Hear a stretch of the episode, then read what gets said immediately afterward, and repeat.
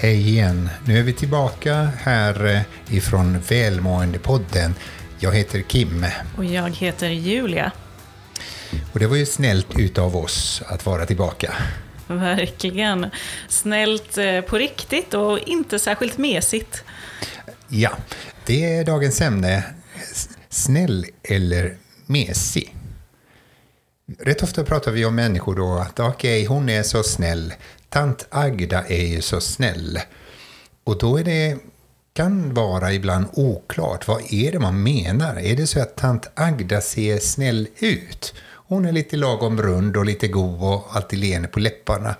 Eller handlar det om att tant Agda säger så goda saker och så fort hon öppnar munnen så, så får man ett leende på läpparna för att hon, är, hon har så mild röst och kommer alltid med frågor om man vill ha bullar och kaffe och så vidare.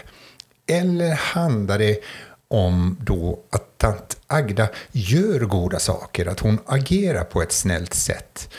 Och vad är det som gör att inte tant Agda är mesig istället? Mm. För du har säkert tänkt någon gång om någon annan person att den, den personen är väl alldeles för snäll. Men då är frågan, kan man verkligen vara för snäll? Eller handlar det istället om mesighet?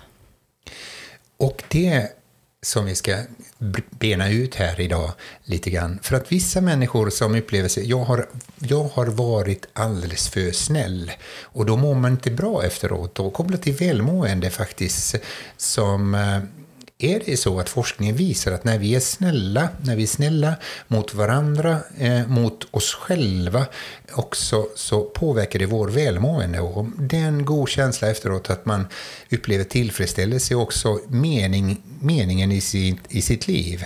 Men vad är det som gör då att ibland gör man inte det för att man upplever att man har varit för, för, för snäll som man upplever? Mm.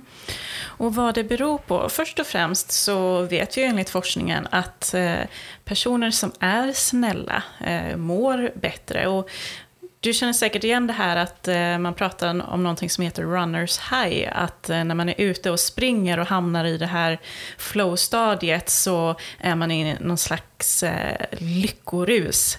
Och det är faktiskt så att forskningen har hittat att det finns också någonting som heter helpers high. Att när du utför goda gärningar och ofta sånt kanske då som du vanligtvis inte gör, utan du gjort något extraordinärt känns det som, då hamnar du i den här lyckokänslan. Och vad är det som gör då att när du har tagit av något från dig själv egentligen och gett till någon annan genom snällhet, att du blir så lycklig och glad. Jo, det är nämligen så att Eh, det finns lite olika förklaringsmodeller på det här, men det har ju faktiskt också med evolutionen att göra. Att eh, när vi hjälper andra människor, då får vi tillhörighet i en grupp och vi känner oss mer trygga. Och trygghet är ju otroligt viktigt för vår överlevnad. Så rent biologiskt och eh, från neurovetenskapen och eh, evolutionspsykologin så har man landat i att hjälpa varandra är otroligt viktigt och det är därför vi också mår så bra utav det. Och eh, det är därför också vi behöver varandra. Och eh, det handlar också, inte bara att hjälpa varandra, utan också ha förmågan att ta emot hjälp. Och, eh, men vad är det för skillnad då mellan snällhet och mesighet? Jag brukar förklara i mina termer på det här viset att om du är snäll så är agendan hos dig. Det är du som bestämmer. Det är du som bestämmer att agera på ett sätt eller säga någonting som är positivt eller, eller då fokusera på någonting som, som, som du har själv bestämt. Om du däremot är mesig så är det någon annan som har din agenda. Det är någon annan som ber dig att göra en gärning eller, eller hjälpa den personen eller någon annan eller, eller använder din agenda till, till sin fördel. Och då kan man ju då, när man när du går på andras ledband och inte har bestämt ändå det själv. Innerst inne tänker du att nej, men det skulle jag inte vilja, men man ska inom citationstecken, man ska vara snäll. Och då blir den eh, jobbiga känslan efteråt att nu har jag varit alldeles för snäll och det, det här är inte riktigt bra. Det är det som jag kallar för mesighet. Det är inte snällhet, det handlar om mesighet. Du har tillåtit någon annan att ta fjärrstyrningsknappen i, i, i ditt eget liv och det är de som bestämmer hur du ska agera och vad du ska göra trots att det du gör kan vara något bra eh, i syvende och sist. Men det är inte du som bestämmer. Då, enligt min mening, det handlar om mesighet istället för snällhet. Men, men så länge du själv har agendan, det är du som bestämmer, även om någon behöver hjälp och ber dig om hjälp, och du väljer det. Jag ska hjälpa. Jag ska ställa upp utav min, eller min tid, eller mina resurser, min förmåga. Så då blir det den här goda känslan att nu har jag verkligen gjort, gjort något bra. Mm. Och det, det är också, om du tänker på det egentligen, hur många möjligheter finns det egentligen inte i din vardag då du kan vara snäll? Men tar du chansen? Vad är det egentligen som hindrar dig från att vara snäll många gånger? Och det, det, är intressant om man tänker på det att ja, det, vi träffar ju människor, det kan vara i mataffären, på arbetsplatsen, hemma. Vi har otroligt många möjligheter att faktiskt vara snälla. Och då är det en eh, psykolog som pratat om det här som sagt att eh, ofta så är det så att vi tror att andra hör vad vi tänker. Vi kanske går där på stan och ser eh, en person som har en otroligt fin kappa på sig. Nu när det ändå är höst ute så är det någon som har tagit på sig en riktigt färgglad fin kappa som får dig på riktigt bra humör. Tänk om du då tar chansen och också går fram till personen och säger “Wow, vilken fin jacka eller kappa, den fick mig på bra humör”. Då är du snäll och har tagit chansen. Och det finns många sådana chanser som dyker upp, men vi tar inte chansen att berätta för andra människor om våra tankar. Stefan Einhorn skriver i sin bok Konsten att vara snäll, eh, en, en eh, beskriver snällhet så här. Äkta snällhet är en vilja att göra gott och att omsätta denna vilja i handling. Att inte bara ha en vilja att göra gott, vilket många av oss har, men när vi inte har omsatt det i handling så blir det ingen snällhet, utan det blir bara snälla tankar inom oss själva.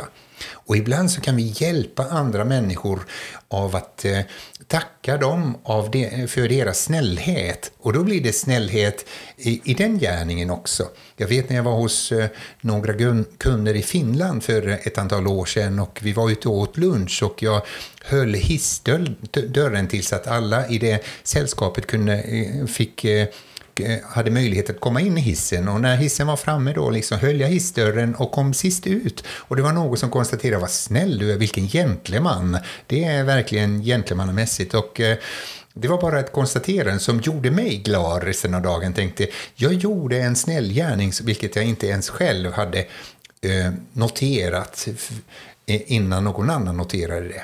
Så ibland kan snällhet handla om att man noterar någon annans eh, gärning eller, eller, eller ord och tackar den personen för det. Mm. Och är man inte van själv att ta emot komplimanger, då kan det vara ännu ett hinder för att man inte själv ger komplimanger. Eh, man kanske känner ibland att eh, det upplevs lite obekvämt om någon uppmärksammar dig, eh, ger dig tack eller någon typ av ovation framför andra människor. Och bara för att det är din känsla ibland. Då, då, först och främst skulle jag säga, då är det en känsla som det är dags att börja träna bort. Eh, men tro inte att alla andra har den känslan, för majoriteten av människor uppskattar i sitt hjärta att man blir uppmärksammad. Eh, så hindra inte dig själv att ge komplimanger bara för att du själv tycker det är svårt att få komplimanger. Sen så kan man självklart ge komplimanger på olika sätt. Eh, du behöver inte ta upp en person framför en stor publik eh, och ge en komplimang om det känns liksom fel i situationen. Självklart inte. Men att en och en ge en komplimang, det gör väldigt mycket. Och det är nämligen så att, att vi, vår känsla av rikedom, som George Bernard Shaw sa en gång, att det är synd att vara fattig, det är varje människas plikt att bli rik. Och det låter väldigt konstigt om man tänker så här, det finns ju väldigt mycket fattigdom i världen och hur ska vi då eh, fokusera på oss själva? Men men ju mer jag har tänkt på den, eh, det, så desto mer har jag tagit till mig det faktiskt. Det är varje människas plikt att bli rik genom att eh, när du är rik så kan du hjälpa någon annan. Du kan inte hjälpa någon annan med med någonting som du inte har själv. Det behöver inte vara pengar. Ofta så när vi pratar om rikedom så är det väldigt ofta fokus på det materiella, men det kan handla om din tid, det handlar om din kärlek, din energi, din uppmärksamhet, din kunskap, din förmåga. Ju mer du upplever rikhet i dig själv, så desto enklare det är att, att vara snäll. Och ibland, jag säger att ibland är det faktiskt eh, mycket viktigare att ta i så du nästan spricker mycket när du hjälper någon annan. Jag vet en av mina kunder kom till mig och sa Kim, jag gjorde som, som du utmanade mig och jag gav en 500-lapp till en tiggare jag bara gick förbi. Och den känslan, det var värt 5000 kronor. Att bara liksom verkligen ta i så att, så att man upplever att nu har jag gjort någonting riktigt bra. Mm. Något annat som kan hindra oss att vara snälla, det är att det känns socialt olämpligt. Um, och till exempel, det kan vara en ung person eh, som känner att jag kan inte lyfta någon som har mer erfarenhet och kunskap än vad jag har.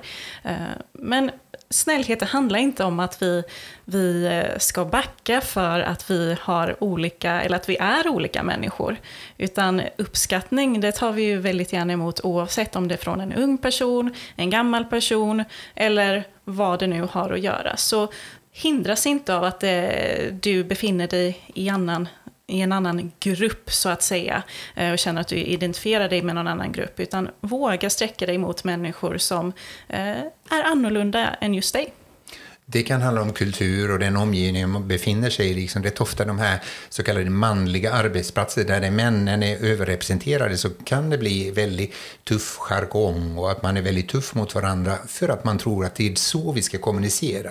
Och då försvinner det ofta snällheten och eh, det är en utmaning för någon i, i en sån kultur och sin sån omgivning att verkligen ta i och, och, och eh, våga vara snäll och våga vara eh, generös mot andra i sin omgivning. Och vi har olika verktyg att, att förhålla oss till när vi ska vara snälla. Då, som också Stefan Einhorn tar upp i sin bok. Då. Första det finns ett, eh, en rad etiska principer, normer, regler och lagar.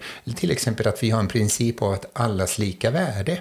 Om man inte har det då i, sitt, i sin genetik eller sin, sin ryggmärg då liksom, så det är svårare att vara snäll om man inte tycker att alla människor är lika värda. Det andra är vår förnuft, att vi kan rationellt analysera liksom, är det förnuftigt att göra det här eller agera på det här viset? Och det tredje handlar om vårt samvete och det är vår inbyggda inre kompass. När vi upplever inom oss att det här kändes väldigt gott när jag gjorde det, det här, så, så då, då vet vi att vi är rätt ute det fjärde handlar om vår empatiska förmåga att kunna känna andra människors tillstånd. Och det fjärde, femte handlar om våra medmänniskor som kan vara bollplank till oss och som kan tala om för oss att okej, okay, det där var väldigt bra gjort. Mm. Och det, det, är ett tillfälle när snälla ord kanske inte tas emot väl. Um, och det, då kan det vara tillfällen när du använder snälla ord på ett oäkta sätt. Det, tanken är inte här att du ska låtsas vara snäll, utan du ska vara snäll på riktigt. Det är väldigt viktigt. Eh, det finns ju väldigt många människor som, som försöker på det viset då, och, och det upplevs, det blir en negativ upplevelse både för motparten, för att en människa är en intellektuell varelse, vi kan verkligen se om någon är falsk, och då då blir det totalt motsatt effekt, men också för sig själv. Vi kan inte uppbåda någon sorts falsk eh, leende och falsk ödmjukhet och försöka vara snälla om det inte kommer från hjärtat, om det inte finns en inre vilja. Och eh, ja, så snällhet. Ta nu en stund och en funderare och kom fram till vad, vad är snällhet för dig? Eh, när känner du att någon annan är snäll mot dig? Och när tar du chansen och möjligheten att själv vara snäll mot andra? Och försök bena ner det här i konkreta ageranden. Kom ihåg, du är inte snäll om det fastnar i dina tankar, utan det handlar om att agera. Så fundera på det här och sen är en utmaning till dig nu då att den kommande veckan se till att vara snäll minst en gång per dag. Ja, och har ögonen och öronen öppna så fort det kommer ett tillfälle att du kan hålla upp dörren eller, eller ge en, en sittplats i tunnelbanan eller spårvagnen eller bussen eller någonstans eller, eller några små saker. Det kan vara smått men också stort. Och känn efter efteråt, hur kändes det när du verkligen agerade utifrån ditt hjärta? Ja, och ta chansen också att fundera på hur tog mottagaren emot den här? Eh, och med det så vill vi tacka så mycket för idag. Du får jättegärna följa oss på sociala medier. På Instagram heter vi Välmåendepodden, men utan prickar. Och på Facebook heter vi Välmåendepodden. Och snart hörs vi igen.